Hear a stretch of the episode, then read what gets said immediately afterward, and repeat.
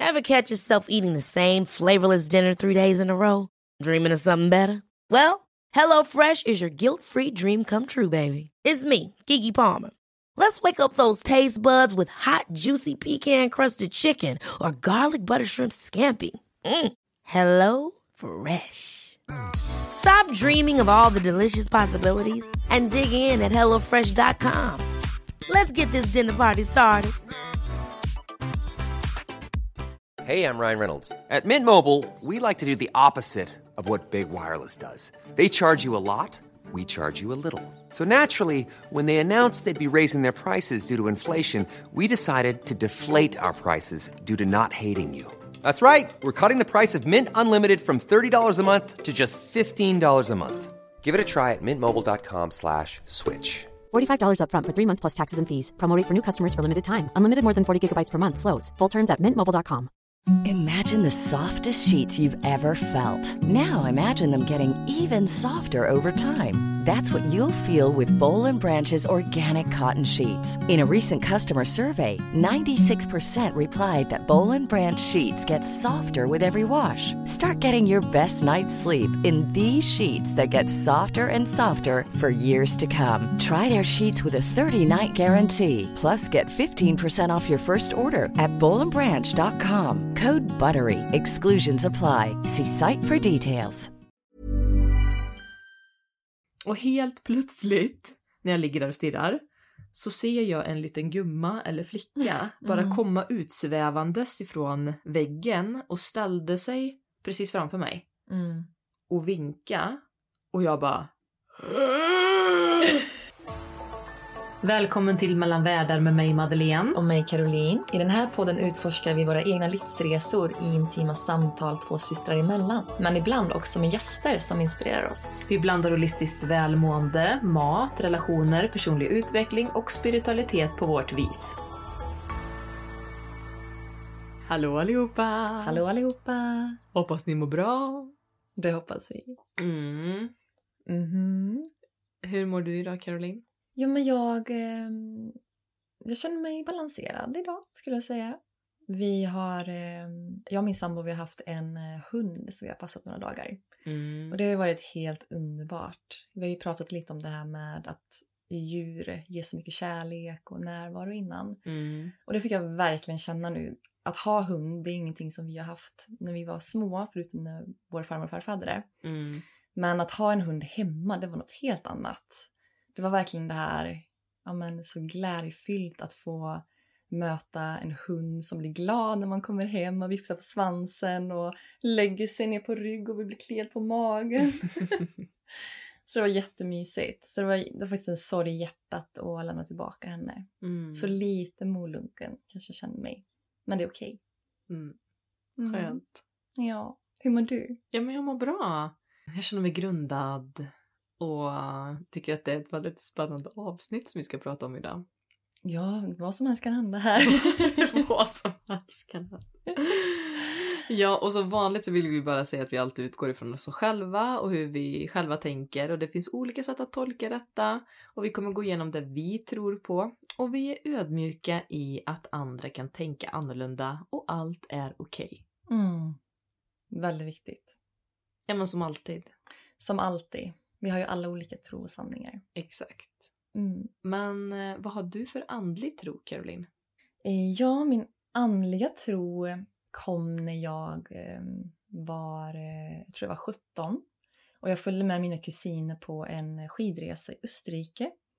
Och den här skidresan var ju anordnad av en kristen förening. Så det var blandat på dagarna att vi åkte skidor och vi kom hem och liksom det var, ja men det var spex och vi var indelade i grupper. Vi pratade om så livsfrågor och ja, det kanske var mer så bibliska ord Mm. utifrån Bibeln.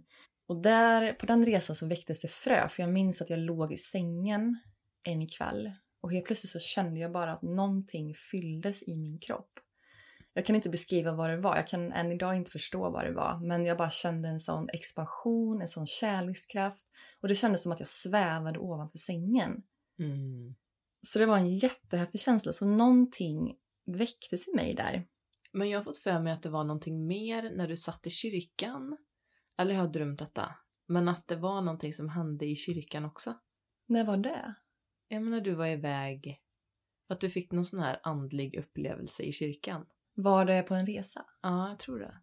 Mhm. Det här var ju jättelänge sedan. Men jag kommer inte riktigt ihåg. För jag kommer inte ihåg att du har berättat att det hänt någonting när du låg i sängen. Utan jag har för mig att historien handlade om när du satt i kyrkan. Mhm. Och att du kände liksom en, att du blev överöst med kärlek. Men det kan ju vara jag som också har ändrat på historien under tid. För det här är ju jättelänge sedan när Karata var. Ja, det var ju som sagt när jag var 17. Jag var, och nu är du... Hur gammal är jag nu? Är 32. Eller är jag 31? Eller hur gammal är jag? Du fyller 33 så du är Får 32. en eh, åldersblackout här. Jag behöver ha koll. Ja, herregud. Ja. Åldersblackout. Det var något nytt. Det var något nytt. Du är Ja. 32. Jag är 32. Mm. Nej men kyrka, alltså det är ju, jag tänker alla de här platserna där kyrkor och tempel och är ju heliga platser. Det är sån energi på de här platserna. Mm.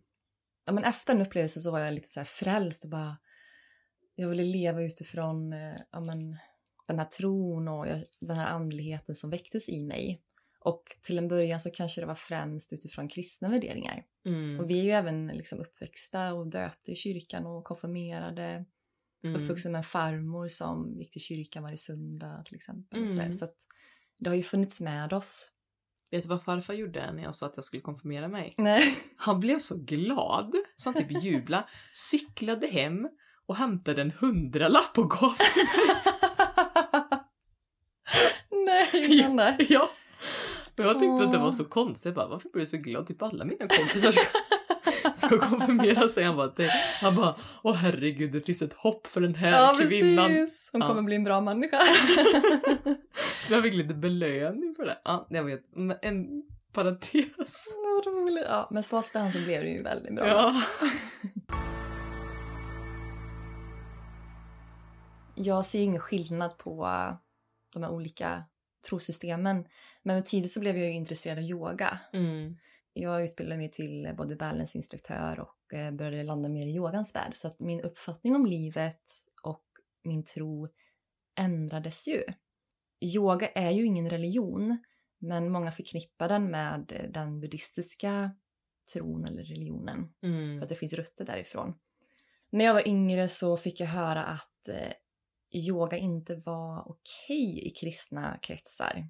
Och det gjorde att jag kände lite skam för mitt yogaintresse. För att jag inte trodde att det ansågs okej.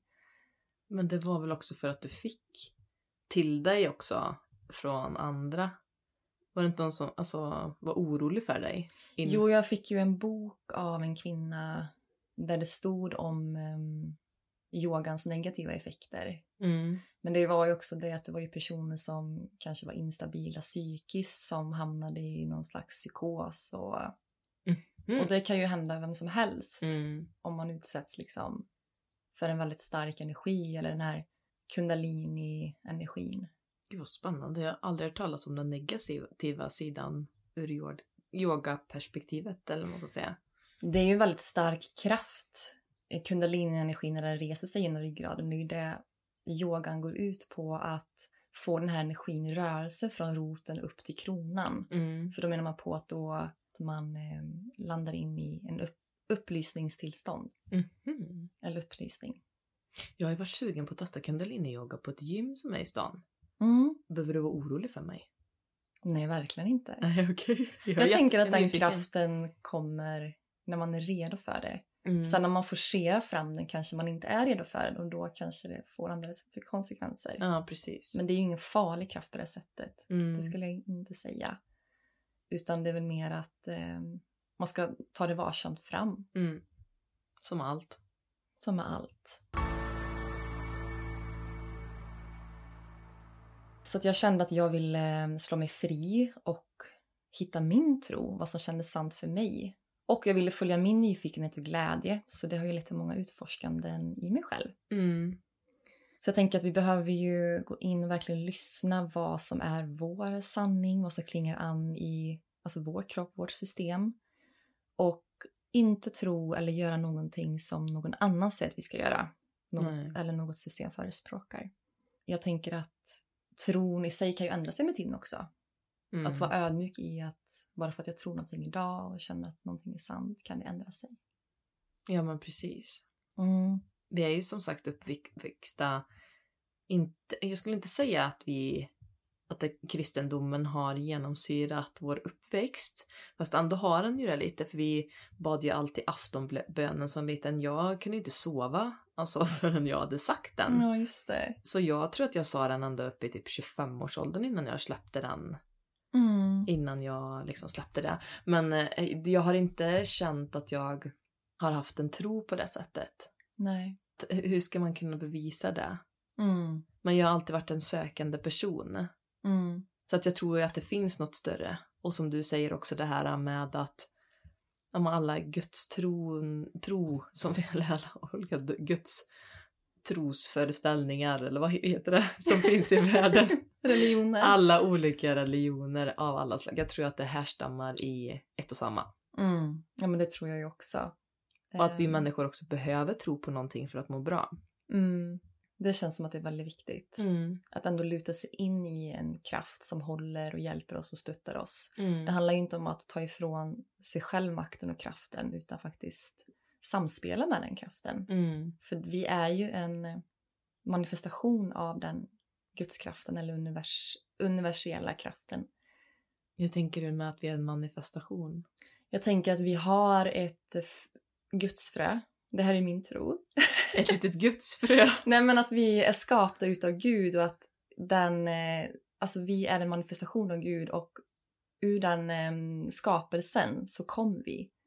Och när du säger Gud, då menar du inte en stor gubbe i universum med skägg. Givetvis. Nej jag skojar. Nej det gör jag inte. Nej men jag tror att det är kraften som genomsyrar allting som lever och är. Ja, jag vet inte riktigt vad jag tror. Men jag tror att det finns något mycket större som vi inte kan förstå oss på. Mm. Och det är klart att vi måste komma någonstans ifrån. Men ja, det, man kan ju bara spekulera och ehm, men det är ju, jag tror att det är en kraft som inte dömer. Det är en kärleksfull kraft. exakt. Mm. Det är bara att här nere så tappar vi den kraften. Ja. Här har vi vårat ego. Men eh, vi har den inom oss. Mm. För vi är ju alla, vår inre essens är ju kärlek och ljus. Mm. Och den är ju oföränderlig. Så egentligen så är vi ju hela bara genom att leva. Men att vi behöver skala av oss allt det här som vi har byggt på under livet. Mm. Som kan skapa obalans och trauman, pålagringar av känslor Mm. och sådär. Mm.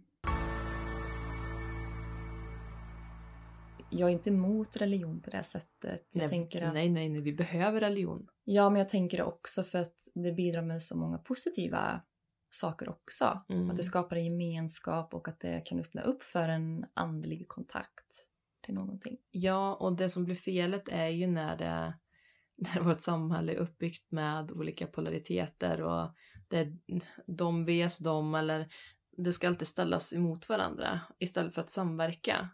Så här, åh, tror du på det var intressant? Mm. Vad grundar den tron sig i istället för att man ska vända ryggen till eller tycka att någon annan är dum i huvudet? Mm.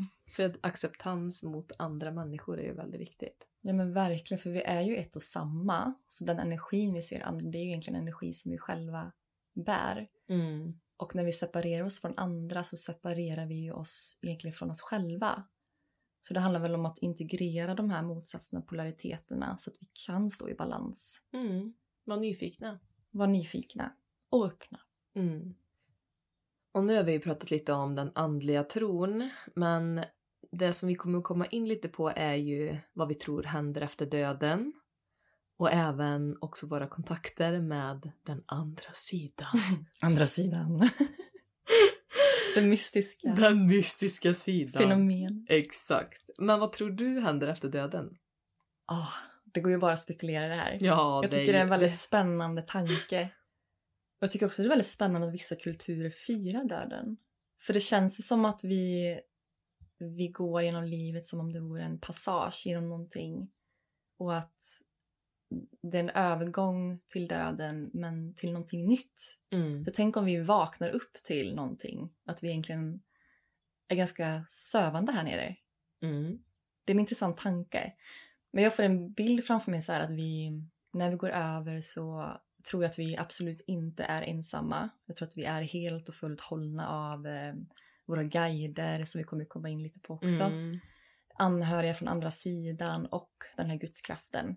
När man säger andra sidan, Mm. jag tänker också så här, är det ett lätt sätt att förklara det vi pratar om? Så här, andra sidan, det är döden. Ja, det är då, där är man efter döden.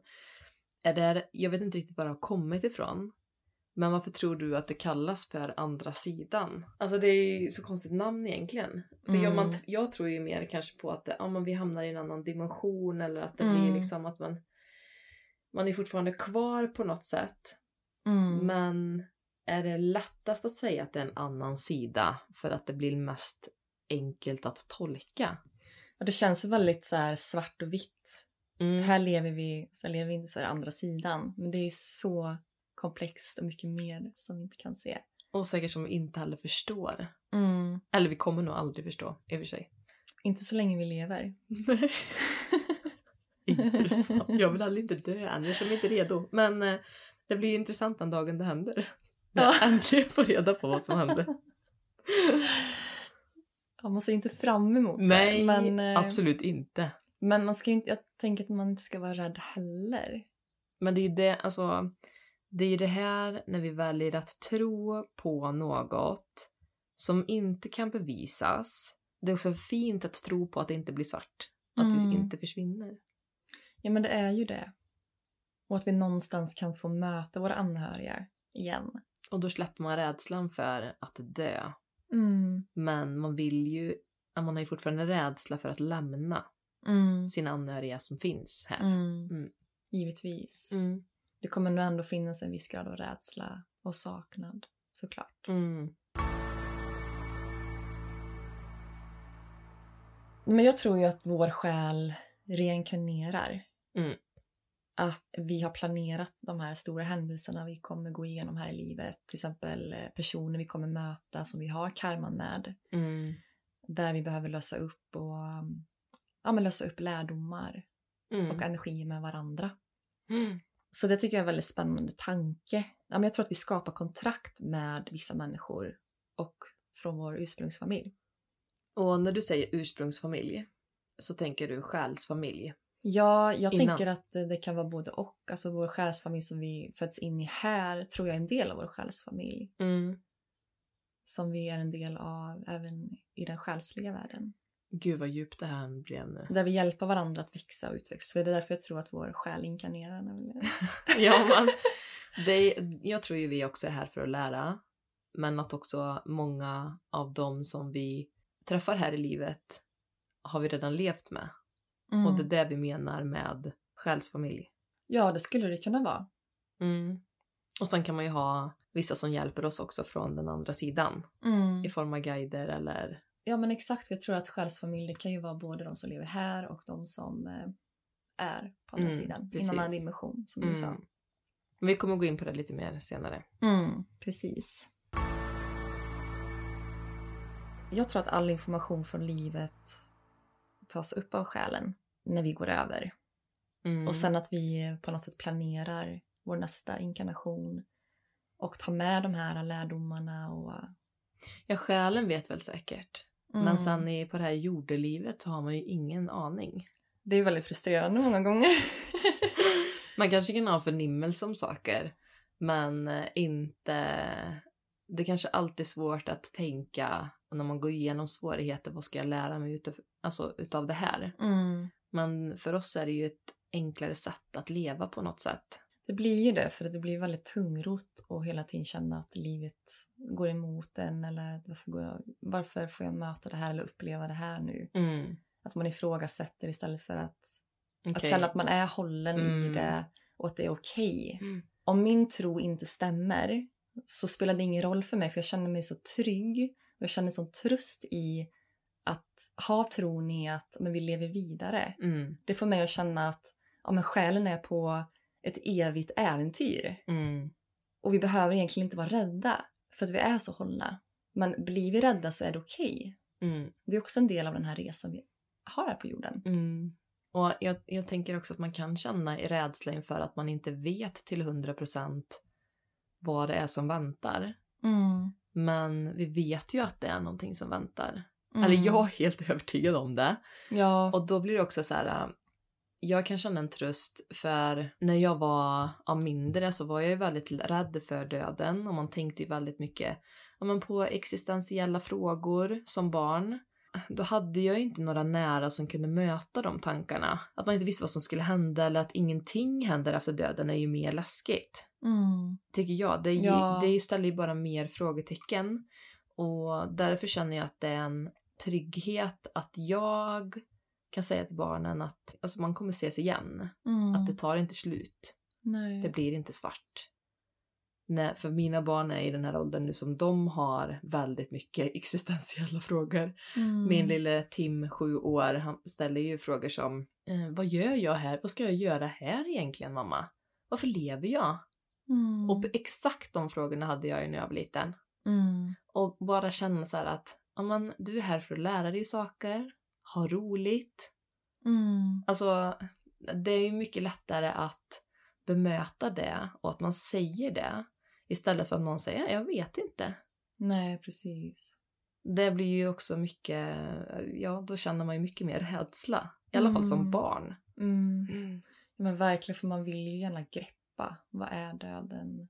Mm. Jag kan också ligga och tänka jättemycket på hur stor är universum egentligen? Oändligt. Och den var så svindlande den tanken och Ja. samtidigt otäck. Mm. Och inte känna någon trygghet i... Ja, men det är ingen som berättar för mig vad är, vad är det som händer liksom. Nej, men vi är inte ens en myra i en myrstack. Nej.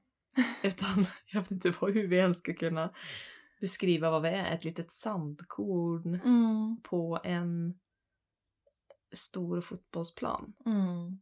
Knappt. Och då droppe tänker jag att jorden, ja men typ alltså att vårt jordklot är ett litet sandkorn på en fotbollsplan. Mm. Eller kanske tio fotbollsplaner, Mm. 20.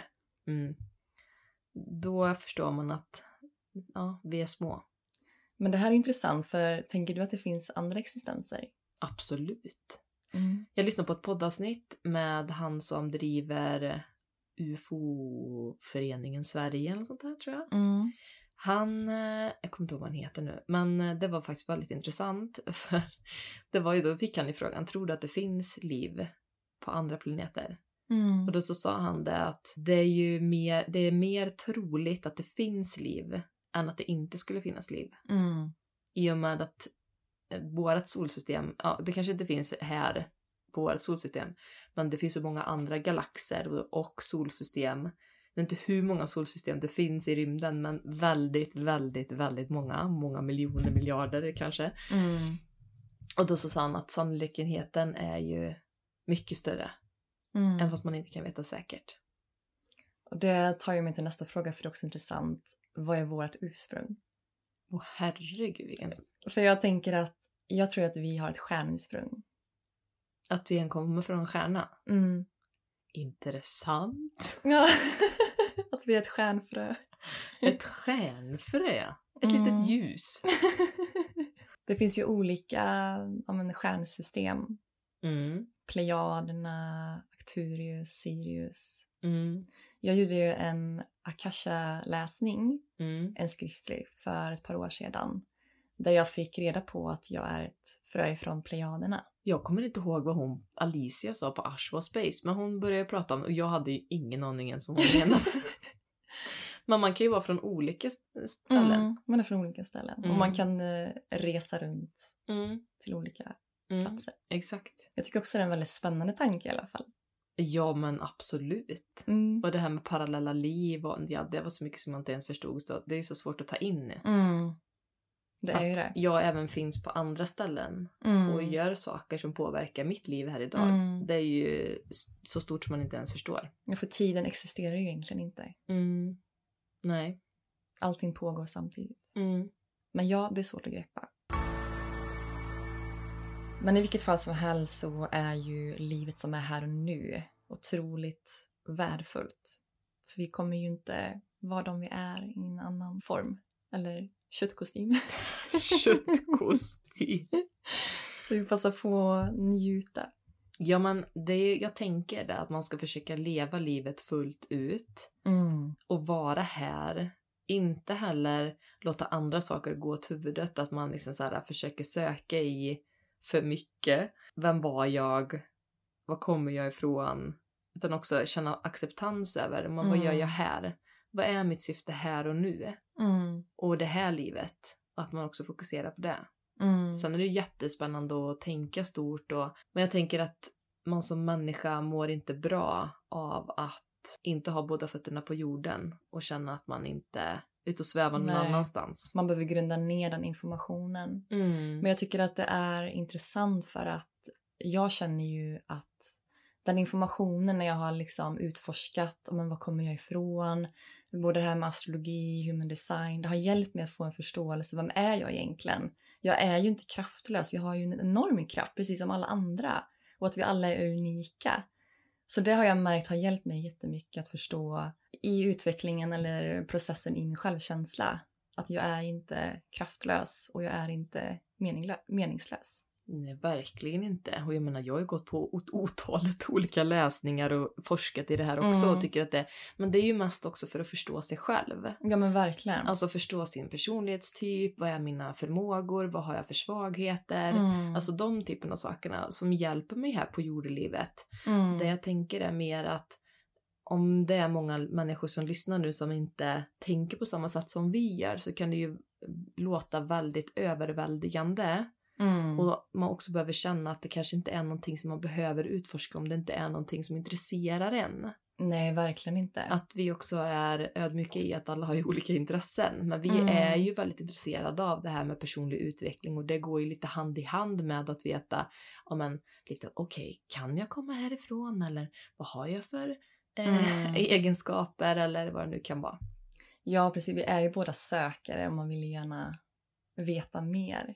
Men som Ja. sagt, grunda ner den informationen och göra det bästa av det. Ja men exakt. Med de gåvor och styrkor vi har. Ja men vi är, ja, vi är ju här i det här livet och det är här livet vi är just nu för att leva. Mm. Verkligen. Mm. Livet är ju, eller jorden är ju en lekplats för oss att leva på. Ja. ja. Här ska vi ha kul. Och vi möter både toppar och dalar. Mm. Och allt däremellan är också okej. Mm. Vi har ju varit inne och snuddat lite på det här med guider. Mm. Är det någonting som du skulle vilja gå lite djupare in på?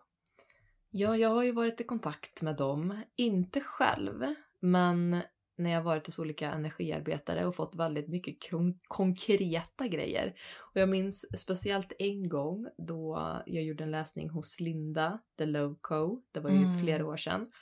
Och hon bara, det, hon sa att det var väldigt fascinerande för att mina guider var väldigt så här "Dun-dun-dun, du ska göra så här. Dun-dun." väldigt kon- konkret och det är så jag behöver ta till mig information för att också kunna marinera som jag varit inne på förut. Jag behöver ha lite mer raka rör, konkreta saker. Jag kan inte, ja, jag vet inte.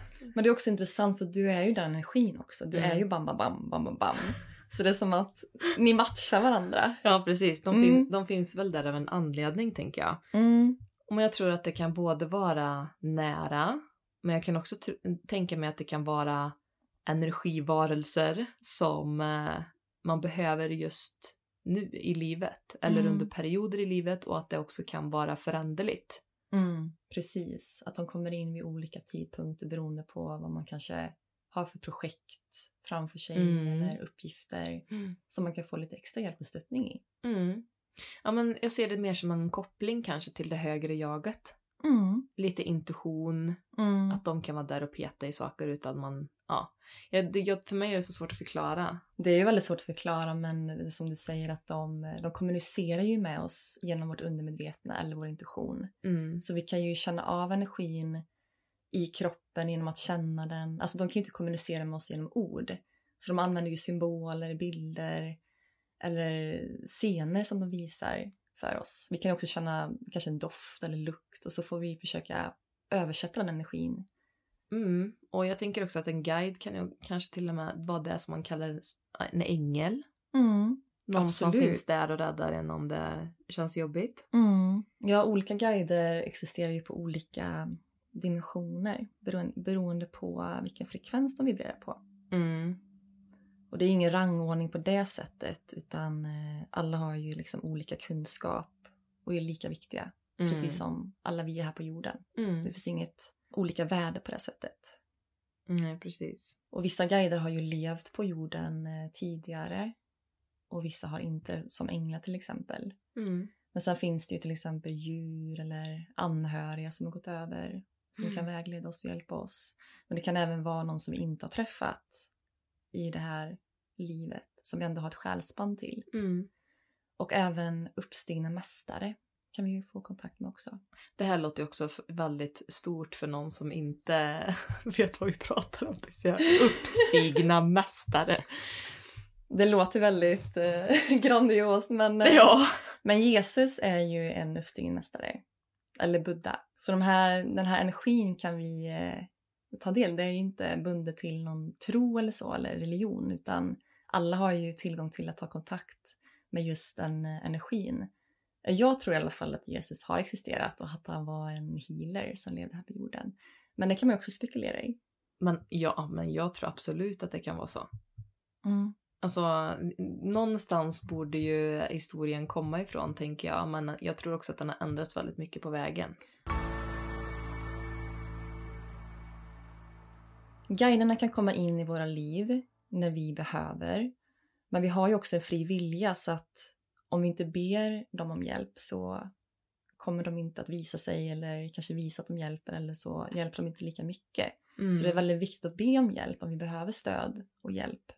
Så att de kan komma fram eller träda fram och stötta oss på vägen. Ja, och jag tycker att det är så häftigt att man kan ta kontakt med dem genom meditation bland annat. Mm. För att träffa sin guide. Jag har inte gjort det någon gång. Jag vet att man fick testa det på Ja, men vi har ju pratat om det förut, den här eh, prova på helgen i mediumskap och så. Då kunde guider komma fram och så. Och sen, det behöver inte vara att man ser dem, det behöver inte vara så fysiskt. Men det kan ju vara att man kanske får en förnimmelse Mm. av vilken energi de kommer med eller Mm. Ja men precis. man kan få bilder och så. Men har du varit i kontakt med dina guider någon gång? Eh, ja, jag gjorde en meditation för några år sedan Mm. där jag satte en intention att jag skulle möta en guide. Det var en guidad eh, meditation. Det var första gången så jag minns att jag fick, jag fick ett ord eh, Ariel. Mm. Och när jag kollade upp det vad det stod för så var det till en ärkeängeln som heter Ariel. Mhm. Och som står för eh, Moder Jord och eh, ja, men jorden. Mm. Hjälper natur och djur. Står även för mod och skydd och självförtroende.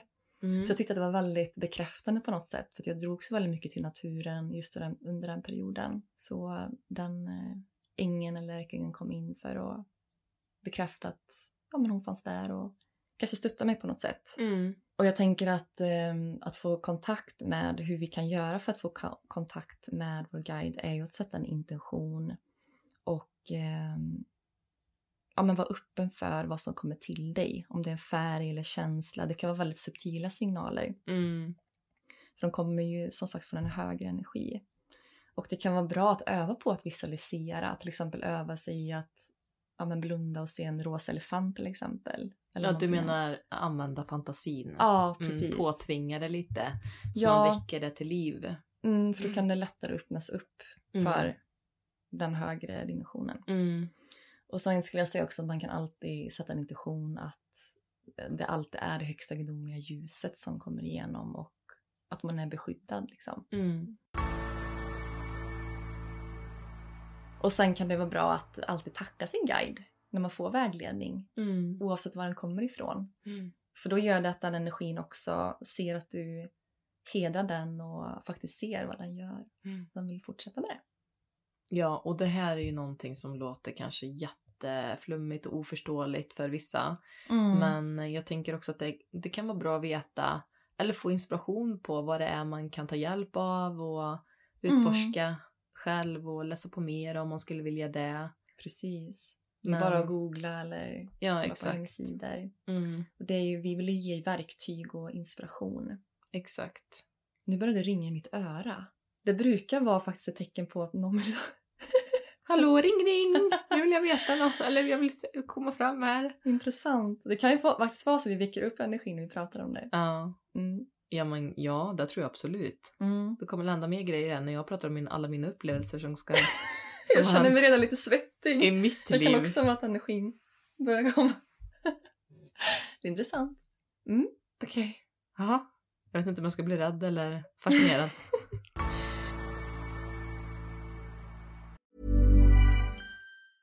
Hiring for your small business? If you're not looking for professionals on LinkedIn, you're looking in the wrong place. That's like looking for your car keys in a fish tank.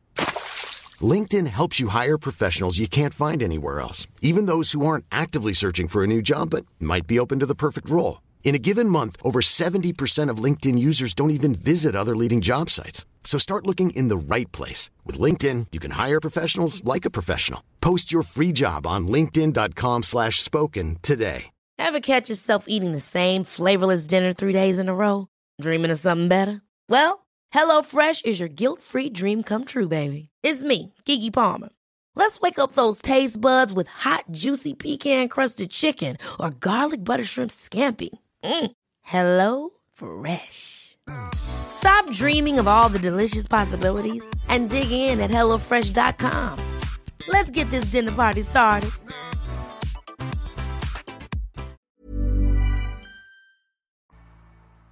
Men eh, jag var ju på en eh, seans Mm. där det här mediumet eh, frågade mig om jag ville ta kontakt med någon. Mm. Men då hade vi precis gjort en meditation och farmor och farfar kom in under den meditationen. Och det var en så himla fin Mm. upplevelse. Det var som att vi, det var en liten skogsglänta vid vatten och det var bara så här glädje och dans. Mm. Det kändes så um, bekräftande att få träffa dem. Jag förstår det. Och sen så, um, så sa medium att ja, men jag ser att du har med dig en guide. En grundguide. Som är din healingguide och um, ja, som har varit med dig sedan du var liten.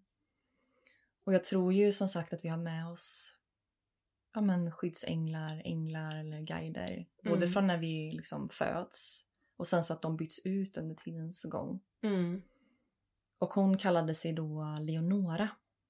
Och den, eh, om de kommer med ett namn så kan det också vara en betydelse eller en ledtråd för vilken energi de kommer med och hjälper oss med. Mm. Så Leonora står ju för ljus, solljus, starkt sken. Ooh. Så det kändes väldigt fint. Spännande. Mm, verkligen. Ja du Madeleine. Jag vet att du har haft en del upplevelser i livet. När det Ja. gäller andliga kontakter. Skulle du vilja dela med dig lite av det?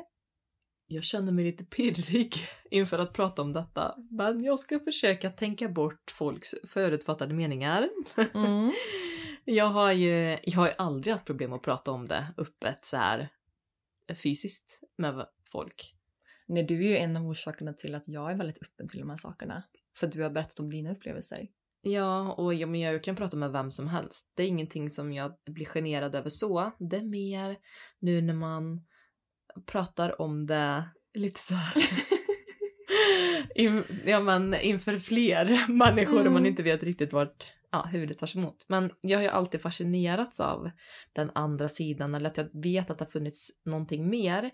Men eh, du vet ju att jag inte har varit intresserad av att titta på program eller ja, Du menar typ det okända? Ja men exakt. Och all, Mm. det finns ju andra program som har funnits, alltså det finns ju på engelska och sådana saker också. Men det är ingenting som jag har känt, kanske har känt ett litet motstånd inför det också. Mm. Det är väl också att ja, men, vår mamma reagerade ju ganska starkt när jag berättade om min eh, första riktiga upplevelse. Mhm. Och det var väl också för att hon var rädd för Mm. att okej, det här är någonting jag inte kan förstå Madeleine i. Och att hon kanske var rädd för att det skulle påverka mig negativt eller stiga mig åt huvudet eller Mm, säkert. ja. Jag minns ju inte det, men det är klart att du fick en upplevelse. Nej men att jag, jag kan ju förstå en mammas rädsla om man beskriver någonting som man har blivit väldigt rädd för. Och Mm. att man då alltså är rädd för sitt barn, att det kanske ska må dåligt och att det inte ska stanna kvar på, med båda fötterna på jorden utan att Mm. det ska bli någon psykisk ohälsa kring det eller Mm. ja, jag vet inte men det är det jag tror att det är ju också väldigt många förutfattade meningar kring detta och jag jag har ju varit en väldigt öppen och sökande person i hela mitt liv. Men eh, ja, jag, ska, jag ska berätta. jag ska inte hålla på det mer nu. men min första, det är egentligen inte min första kontakt så sett, men när jag öppnades upp lite inför detta, det var ju när jag var i 16-årsåldern. För det var då min nära väns lilla syster gick bort. Mm, Och min vän Emma, hon ehm, var ju med om grejer och hennes familj var med om grejer efter Johanna, som hon heter, Johannas död. Som Mm. inte riktigt gick att förklara. Och jag vet att jag tyckte att jag, jag var väldigt nyfiken på det. Mm. Och så här var väldigt fascinerad över, okej, ni har, har det här hänt och det här hänt och det var väldigt oförklarligt, väldigt många oförklarliga saker. Mm. Men det kan ju varit någonting som öppnades upp då. Men sen jag, tänkte jag inte på det på några år. Och sen när jag var i 20-årsåldern så bodde jag i ett gammalt lägenhetshus. Och det var väl min första riktiga upplevelse. Men det sjuka är att jag hade bott där i ett par år. Mm. Och um, min dåvarande pojkvän, som nu är min sambo, han sov över, vi bodde inte ihop då. Men jag vak- han, vi sov tillsammans och jag vaknade klockan tre på natten. Ja, det var natten till en måndag för jag, märk- jag kommer ihåg det så starkt för att jag var så arg. Mm. För det lät som att grannen flyttade möbler. Och jag tänkte han måste ju gå på droger något. Vem är uppe mitt i natten och flyttar möbler? Ja, det kan man undra. Ja, det kan man undra. Så jag vaknade ju och var lite alltså, upprörd. Mm. Och sen när man alltid vaknar på natten då blir man ju alltid kissnödig. Så då gick jag in och eh, på toaletten och kissade. Och sen eh, gick jag tillbaka till sängen och la mig igen och sen låg jag på sidan och så stirrade jag ut mot väggen ganska ö- upprörd. Jag brukar aldrig vara en person som ligger och stirrar ut i mörkret. Nej. Men det var inte så här kolmörkt heller för man kunde se konturer och liksom sådana saker. Mm. Och helt plötsligt när jag ligger där och stirrar så ser jag en liten gumma eller flicka bara Mm. komma utsvävandes ifrån väggen och ställde sig precis framför mig Mm. och vinka och jag bara Alltså och bara skriker, alltså det högsta, jag, högsta jag kan. Och sen Ja. känner jag sån här ilande iskall känsla i hela min kropp. Det var ju liksom hur rädd jag blev av Mm. att se det. Och jag bara skriker så här. Tänd lampan! Till Alex. Han måste ju hamnat i chock.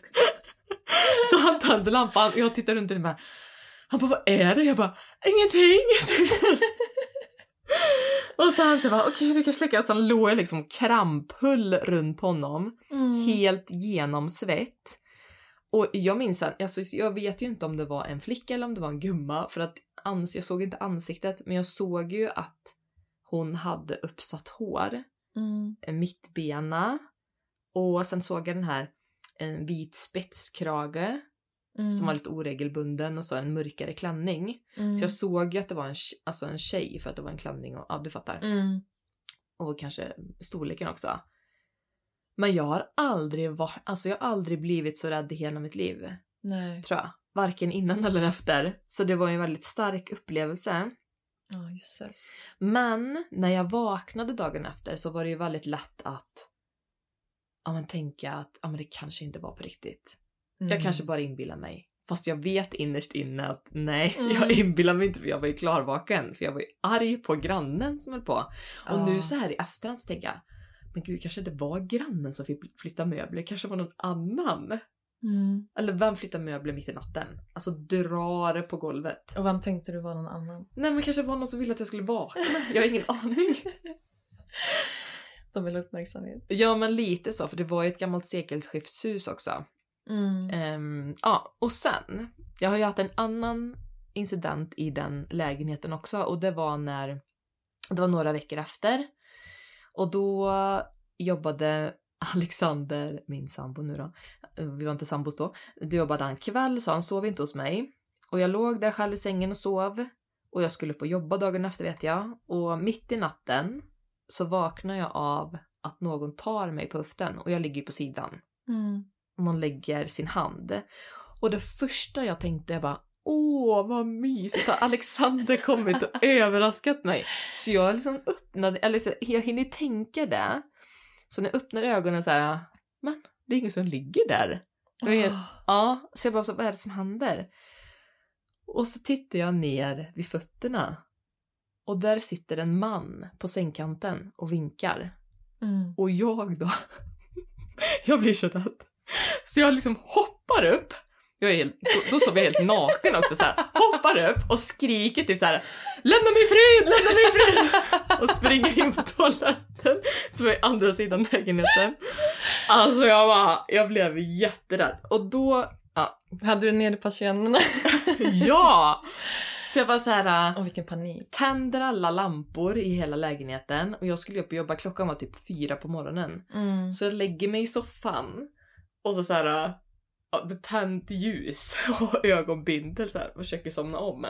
Så jag slumnar om lite, vad, vad är det som händer tänker man ju bara. Mm. Men ehm, ja, och det var ju också så, jag såg ju att det var en man Mm. och jag såg också den här slickade frisyren, också en vit krage. Inte sån här spetskrage men det var ändå en vit krage. Jag såg att det var en man också. Mm. Ja, det var i alla fall också en, det var ju läskig hä- händelse, men det var nästan läskigare det här när jag ligger och stirrar ut i mörkret att jag ser att någon kom, kommer emot mig och även om det kändes så här vänligt att de vinkar till mig Mm. så kändes det ju inte, alltså det är ju ändå någonting som man bara, man kan ju inte greppa eller ens förstå. Nej. Så jag, och sen några veckor senare så um, berättade jag om händelsen för en fotbollskompis som vi, ja, vi tränade utanför stan där vi bor idag. Mm. Och det är egentligen din gamla klasskompis. Och då berättade jag, jag vet inte varför jag pratade med henne om det, men vi hade samåkt i alla fall. Och då så sa hon till mig att hennes mamma verkade som medium. Mm. Och jag bara va? Du skojar? Vill du att hon ska komma? Jag bara ja gärna. Jag vill gärna så här. Är det här hjärnspöken? Är det här någonting som jag liksom så här. Vad är det som händer? Varför Mm. ser jag det här? Så jag sa att hon fick gärna komma. Och sagt och gjort. Då så, ehm, min mam- våran mamma var ju med. Var Ebbe eller du med också? Nej, jag var inte med. Nej, det var nog hon som var med Mm. också. Så mamma var med också. Så kom jag, kommer inte ens ihåg vad hon heter, mediet som kom. Men hon kom i alla fall till lägenheten. Det här är ju typ 17 år sedan så det, det är ju jättelänge sedan. Mm. Men, eh, nej inte 17, men det kanske är 15 år sedan. Mm. Så det är ju länge sedan det här hände. Och jag minns att hon bekräftade mig i hon gick runt i lägenheten själv först och jag och mamma och eh, fotbollskompisen satt i soffan och väntade på henne. Mm. Och sen hade hon med sig anteckningsblock och så berättade hon bekräftade både med den här mannen och tanten. Jag kommer inte ex- exakt ihåg vad hon sa eftersom att det är så länge sedan. Mm. Men ehm, och då började jag ju, jag blev såhär, åh gud, jag, jag är inte knäpp. Nej. Det var ju första så här: okej, det, det är verkligen någonting här. Mm. Men jag var fortfarande inte riktigt övertygad. För jag Nej. hade ju ändå berättat lite för fotbollskompisen men hon hade ju inte berättat någonting, alltså vad som hade hänt för sin mamma. Nej. Hon till mig i alla fall. Men man vet ju aldrig. Eller så. Mm. Men hon bekräftade ju, men då var det en äldre dam. Och sen var det hennes son som hade bott i den här lägenheten. Mm. Och det hade sett annorlunda ut och det var antagligen därför hon kom ut från väggen. För där var väl en gammal passage kanske, jag, jag har ingen aning. Mm. Men i slutet så började hon prata om en liten blond flicka som bara ville hälsa att hon hade det bra. Mm. Och, och mediumet sa även att hon fick ett namn till sig men hon tvekade lite om hon skulle säga det eller inte. Mm. Och då säger våran mamma så här, ja men säg det bara! Säger hon. Jaså? och då säger hon Emma. Och då fattar jag ju direkt att det var en hälsning Mm. från, alltså till Emma från hennes lilla syster att hon hade det bra. Så jag Mm. började ju storgråta så jag bara Ja, så det var ju så här: okej, det är någonting här och Johanna är här och vill förmedla någonting också. För hon Mm. sa att det inte var, det var en när, alltså det var en anhörig, alltså någon som kände mig. Mm. De andra två var inte det, de var ju mer platsbundna om man säger så. Så då fick jag lite bekräftelse för hon hade ju ingen aning om det. Mm. Och det var ju också på något, något sätt den här bekräftelsen som jag behövde. För hon beskrev Johanna precis som hon var. Hon Mm. var så himla levnadsglad och sprudlande och ja, passade in i den bekräftelsen hon sa att hon var blond och liten och Mm. men det var ju inte förrän hon nämnde Emma som pulatten föll ner. För man vågar inte riktigt tro att, ja men är det verkligen hon? Nej. Förrän, ja, det var den bekräftelsen jag behövde i alla fall. Mm. Sen rensade ju det här mediumet lägenheten och hon sa att de kommer inte störa dig och det är helt fint att du sover där i natt. Och när alla hade åkt hem, tror du att jag kan sova? Alltså jag var helt förstörd. Jag hade tänt alla lampor i hela lägenheten. Jag hade ögonbindel på mig och en kudde över huvudet. Alltså, nej jag var ju helt förstörd. Så jag Åh. försökte ju sova men jag var helt, nej. Så jag ringde Alexander jättesent på kvällen. Jag bara, kan jag få sova hos dig i natt? Jag kan inte Mm. sova i min egen lägenhet. Han bara, ja det går bra, kom du. Och jag bara, okej. Och sen dess, jag har ju alltid sovit med en kudde över huvudet sen dess. Har du det? Ja. Alltid. Ah.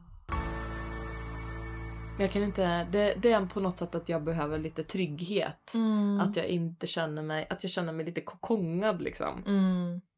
Så det Lite har jag skyddad så. Ja, lite Ja. skyddad. Och ja, ögonbindel och liksom sådana saker så att jag känner mig, jag är inne i min här nu, här är jag trygg. Var det därför du hade mönster på kinden för dig? Ja, ja. Och den inte vet är att jag och Karolina vi såg lite middag efter lunchen här. Ja, Madeleine hade lite intressanta avtryck i ansiktet. Ja, men jag, jag har haft en kudde över ansiktet. Mm. Det var ty- mamma och pappa har många kuddar i sin säng och där låg jag och sov. Ja, vad mysigt. ja, nej men eh, så det är väl eh, de grejerna som har präglat. Och då sa ju även hon där medium att du kan ju gå utbildningar och liksom lära dig hantera de här sakerna. Men jag var inte alls mottaglig då. Vad känner du idag? Ja men jag känner ju efter alla andra grejer som jag har råkat ut för att Mm. jag skulle vilja utforska det mer för min egen skull. Och jag har ju tittat på olika mediumutbildningar också men jag känner så här, än är det inte rätt i tiden. Jag tänker Nej. att det kommer när det ska komma. Mm. Men eh, ja, jag skulle egentligen bara vilja lära mig att hantera det på ett bra sätt. Mm. Och det, jag tror också att det är ju ett sätt att också komma närmare sin intuition. För det handlar ju om väldigt mycket personlig utveckling när man Mm. går genomgår en sån typ av utbildning. Mm. Sen, ett par år, några år senare så var jag ju, såg jag ju någonting. Vart var du också- då någonstans? Då var jag i Sälen. Och vi hade festat. jag hade jag varit 25 eller någonting. Eh, och det, det jag såg då, det fick jag inte förklaring till förrän flera år senare. För det var inte någonting som jag la på, alltså gav någon värdering eller någonting sånt. Nej. Men då låg vi ju bakis och sov Mm. en morgon. Och ja, i mörkret. Och jag låg där och i mitt inre så ser jag en figur som typ skäller på mig. Jag förstår inte varför den är arg eller vad den det är överhuvudtaget. Jag tycker det är jätteroligt. Ja. Det här är ju lite myskosa. Det här kunde jag inte förklara själv. Och jag hade aldrig sett något sånt förut. Så jag bara såhär, vad, är det, vad vill den? Och jag var ju så här trött och liksom så. Mm. Och sen, men jag förstod att den var arg. Mm. Ja. Men sen några år senare så får jag se en bild eller en illustration på en vätte. Och jag bara... Men gud, det är ju en sån där som skällde på mig när jag var i Sälen. Och det kom några år efter. ja! Jag får Mm. på så här, eh, jag bara, Mm. jag bara, hur kan jag ha sett den innan jag har sett den? Det jag fick en förnimmelse av just då, det var ju mer att han var arg kanske för att det känns ju som att vi människor först- alltså förstör naturen, att vi exploaterar och vi värnar inte om naturen och det som Nej. är. Ehm, och det var ju det jag fick en förnimmelse av. Men ja, jag la ingen värdering i det då, men det var inte förrän några år efter som jag bara, men gud det var en vätte som skällde på mig. Mm. Och det här låter, jag vet att det låter jättekonstigt. Jag förstår att ni inte... Ja, det... För jag förstår det inte riktigt själv. Hänger ni med? Hänger ni med? Men sen på tal om andra sidan, jag tänker att du måste ju också fått kontakt under den här prova på-helgen i mediumskap och andlighet. Jo men det fick jag. Det var ju väldigt intressant för det var också min första upplevelse av, av med just eh, anhöriga från andra sidan. Mm, Och det var så häftigt för att den, vi jobbade ju två och två mm, under den helgen och fick liksom eh, göra en medial vägledning på varandra. mm, Så hon började ju och då fick hon ju kontakt med farfar. Jag förstod ju direkt att det var farfar. För hon Mm. sa att jag får ont i hjärtat eller jag får ont i bröstet. Så hon kände ju i sin kropp när, när energin kom igenom. Och jag började ju gråta. Och blev jätteberörd och tänkte så här, hur ska jag kunna prestera någonting nu efter det här? Men det var ändå fantastiskt hur de eh, förmedlade alltså de här andarna eller energierna. Ja, för jag hade ju samma upplevelse där. Jag tänkte Mm. också så här, jag kommer inte kunna förmedla någonting. Du kände också så? Ja, man självklart. Man Mm. tror ju inte på sin egen förmåga. Men helt Nej. plötsligt så sitter jag där och kan förmedla två personer till den här Mm. eh, kvinnan som sitter bredvid mig. Eller Mm. mitt emot mig menar jag. Och bara så här, ja det är, och jag också så här, men hur funkar det? Alltså hur, och hon bara i så här mycket igenkänningar och det var cancer och det var ju det jag fick upp och Mm. jag också kunde känna smärta eh, i magen och, och man bara så här, men herregud vad är det som händer? Hur kan jag ha... Men det är ju det när man blir hållen och man känner sig trygg och man får redskapen till hur man ska hantera det Mm. så händer det bara om man vågar lita på sin intuition. Ja men verkligen. Jag har ju även fått till mig under healingbehandlingar så har jag fått kontakt med anhöriga som vill förmedla något budskap eller Mm. bara visa sig. Det är väldigt fint att få göra det, det känns väldigt ärofyllt. Mm, jag förstår det. Mm. Och en annan grej som hände mig under den andliga utbildningen eller kursen på, på Mm. helgen. Det var dag två när vi alla satt i cirkeln eh, precis innan vi skulle mm, ja, men säga hej då. Mm. Så säger hon Annika då, som höll, håller i det, hon sa det att ja, är det någon som vill säga någonting nu innan vi stänger ner? Och då är det en tjej som typ sitter mitt emot mig ja, i andra, cirkeln på andra sidan. Hon bara ja, jag vill. Ja, och, jag, och, och Annika bara vem vill du säga någonting till? Hon bara hon! Och så pekar hon på mig. Jag bara va? Nej vadå? Ja. Och då var det igen en sprudlande glad liten tjej, blond, som ville bara hälsa att hon hade det bra. Och då fattade jag ju med en gång att det var Mm. Johanna. Ja, Jag ryser nu när jag säger det, Mm. för att hon har verkligen varit en väldigt mycket bekräftande person mm. på den andra sidan. Som har hjälpt mig i utvecklingen också att mm, förstå att det är någonting mer. Mm. Att, I och med att hon letar sig in på de mest Mm. spännande ställena liksom. Ja verkligen, hon vill verkligen ta kontakt. Ja. Ja. Och också bekräfta att okej, det finns något mer. Ja. Det är okej att tro. Ja, vad det nu kan vara. ja, det är så fint. Men sen eh, har jag ju en grej. Mhm. Ja, men som hände mig för typ ett år sedan. Kommer du ihåg? En väldigt läskig sak. Ja. Ja. du bara nej. Jag var så här, wait for it, wait for it. Ja. Tell me. Ja, men alltså den här saken är ju... eh, Den är ganska obehaglig. Mm. Eller i, i alla, den, det är nog den obehagligaste grejen. Inte kanske den här rädslan på det sättet som jag kände första gången som jag blev rädd. Alltså jag fick den här iskalla känslan utan mer det här var obehagligt, det kändes inte okej. Nej. Och det var för ungefär ett år sedan. Då var också um, mitt i natten så jag vet inte om något av barnen låg i sängen, i dubbelsängen och jag låg längst ut. Båda barnen låg där också. Så jag väl, vaknade väl till mitt i natten och så här, blev kissnödig för att någon kanske vred på sig eller ja, jag vet inte. Så jag gick upp och kissade och så gick jag och la mig igen och så la jag min kudde över huvudet precis som jag brukar. Mm. Och sen, jag vet inte om jag slumrar till lite eller vad som händer men jag vaknar av att någon försöker dra mig i täcket. Och det är sån här diffusa ryck. Mm. Så jag ligger och var så här krampaktigt. Jag är så glad att jag hade tyngdtäcke då för att då var det tungt också. Så kramp, så här, håller fast det. Mm. Och jag bara känner de här diffusa ryckningarna och sen slutar de. Och sen känner jag hur någon går upp i sängen. Alltså det, den knarrar sängen alltså. Och fy. lägger sig på mig. Och jag är fortfarande kudden halvt över huvudet och ögonbindel så jag ser ju ingenting. Nej. Men jag känner hela tyngden komma på min kropp och det enda jag liksom... Jag vill inte skrika för jag tänker då väcker jag barnen de kommer bli livrädda. Så det går ju Mm. inte. Men jag kände liksom så här, jag kan inte röra mig.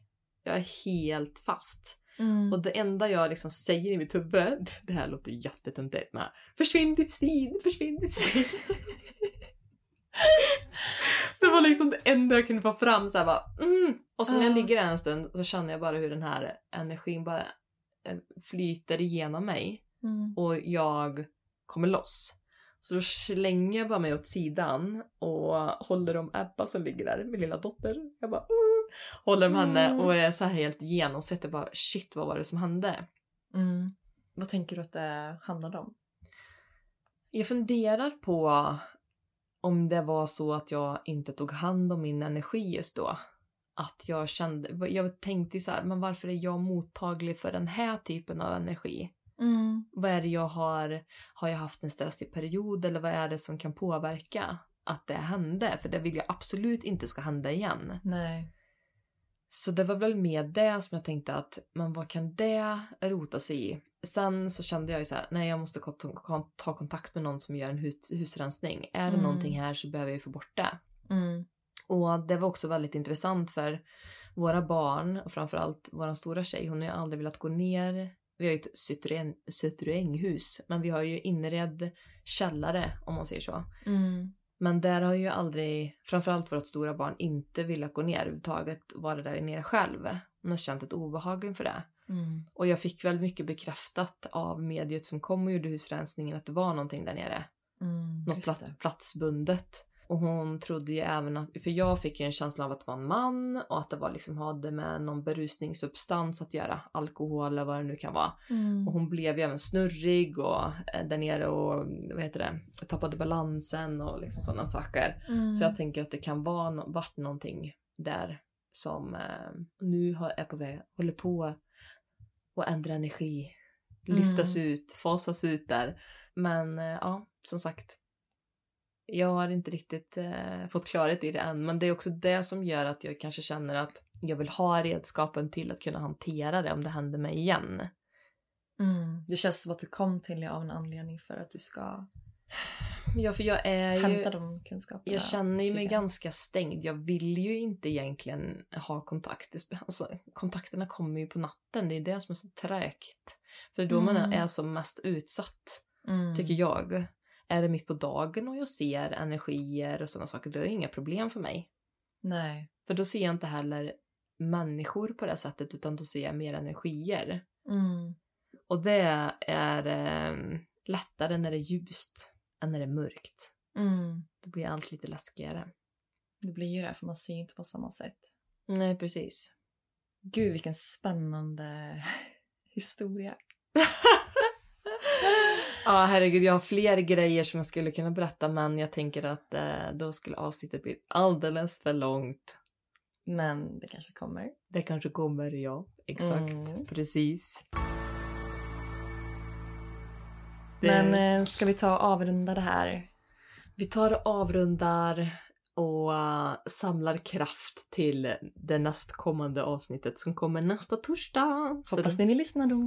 det hoppas vi. Ha det fint Karo och alla härliga lyssnare. Ha det fint Madde. Och ni där ute i etern. Puss och hej! Puss och hej.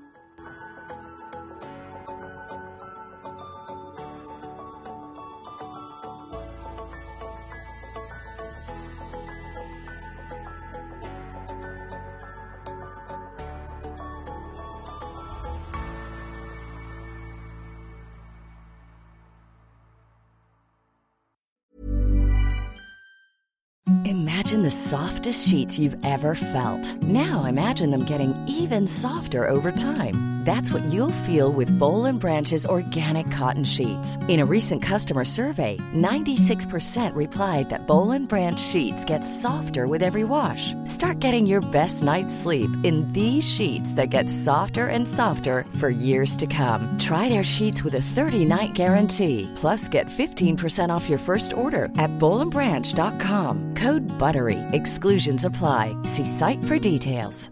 Hi, this is Kristen. And this is Jen from My Mom So Hard. And we're here to talk about By Heart. Do you remember when you were nursing and you were like, I want to give the best thing I can to my baby? Well, we've got that for you. It's called By Heart, and it is a infant nutrition company built from the ground up to deliver real innovation on behalf of babies and parents. Curious about By Heart? Redeem your welcome offer at byheart.com slash podcast with code MOMS20 for a limited time. Additional terms and conditions apply. Tell them My Mom So Hard sent you. Imagine the softest sheets you've ever felt. Now imagine them getting even softer over time. That's what you'll feel with Bowl and Branch's organic cotton sheets. In a recent customer survey, 96% replied that Bowl and Branch sheets get softer with every wash. Start getting your best night's sleep in these sheets that get softer and softer for years to come. Try their sheets with a 30-night guarantee. Plus, get 15% off your first order at bowlandbranch.com. Code BUTTERY. Exclusions apply. See site for details.